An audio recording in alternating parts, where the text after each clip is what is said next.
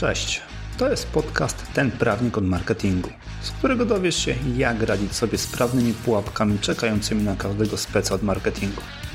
Ja nazywam się Dariusz Mojecki, jestem radcą prawnym, a na co dzień zajmuję się pomocą prawną dla agencji marketingowych.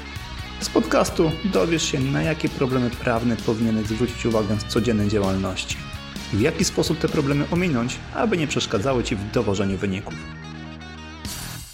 Zapraszam Cię do wysłuchania pierwszego odcinka podcastu.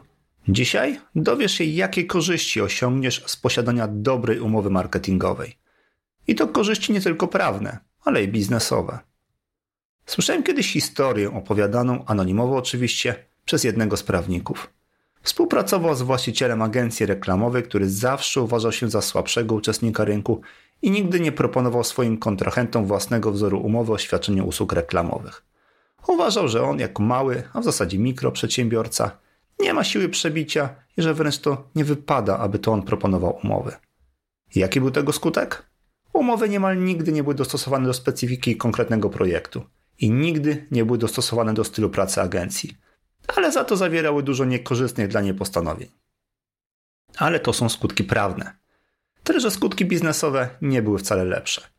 Skoro czuł się słabszym uczestnikiem rynku i tak się zachowywał, nie proponując nigdy własnego wzoru umowy, to tak też był postrzegany. Dlaczego o tym mówię?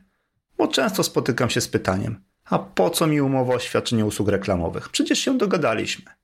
Dzisiaj odpowiem na to pytanie. A pierwsza z korzyści posiadania dobrego wzoru umowy jest następująca. Proponując kontrahentowi profesjonalny projekt umowy, wyglądasz profesjonalnie. Chcesz zrobić dobre wrażenie na kontrahencie? Zaproponuj dobry projekt umowy. Moim zdaniem, gdy proponuje się własny, dobrze napisany wzór umowy, wygląda się po prostu lepiej, bardziej profesjonalnie, bardziej wiarygodnie. A skoro to początek współpracy, to chyba właśnie o to chodzi, aby się dobrze przedstawić. Korzyść druga to uniknięcie nieporozumień. Czy można realizować projekt na podstawie mailowych ustaleń? Można. A czy można realizować projekt na podstawie ustnej umowy? Oczywiście, że tak. Umowa o świadczeniu usług reklamowych nie wymaga formy pisemnej. A czy można przekopywać dziesiątki maili w poszukiwaniu tego, co wchodzi w zakres projektu i jakie jest wynagrodzenie? Też można. Tylko po co? Dobrze napisana umowa o świadczeniu usług reklamowych ma tę zaletę, że porządkuje dokonane ustalenia. Przygotowując umowę, staram się odsyłać do załącznika, w którym jest czarno na białe napisane, co konkretnie ma być wykonane. I tak samo jest określone, jakie jest wynagrodzenie agencji. I żeby znaleźć potrzebną informację, nie trzeba przeszukiwać skrzynki e-mailowej z ostatnich miesięcy. Podpisując umowę o świadczeniu usług reklamowych, sprawiasz, że wszystkie potrzebne ustalenia są w jednym miejscu. Unikasz w ten sposób nie tylko straty czasu na poszukiwania, ale i zabezpieczasz się na wypadek nieporozumień co do zakresu projektu.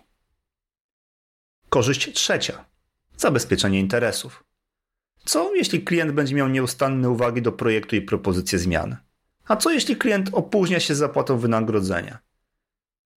Nie chcesz stracić praw autorskich do wszystkich narzędzi, z których korzystasz? Te wszystkie kwestie można uregulować w umowie i można je uregulować w taki sposób, aby zabezpieczyć Twoje podstawowe interesy. Oczywiście w braku podpisanej umowy zastosowanie znajdą odpowiednie przepisy prawa. Mają one jednak jedną podstawową wadę – są bardzo ogólne i nie są dostosowane do specyfiki konkretnego projektu. Korzyść czwarta.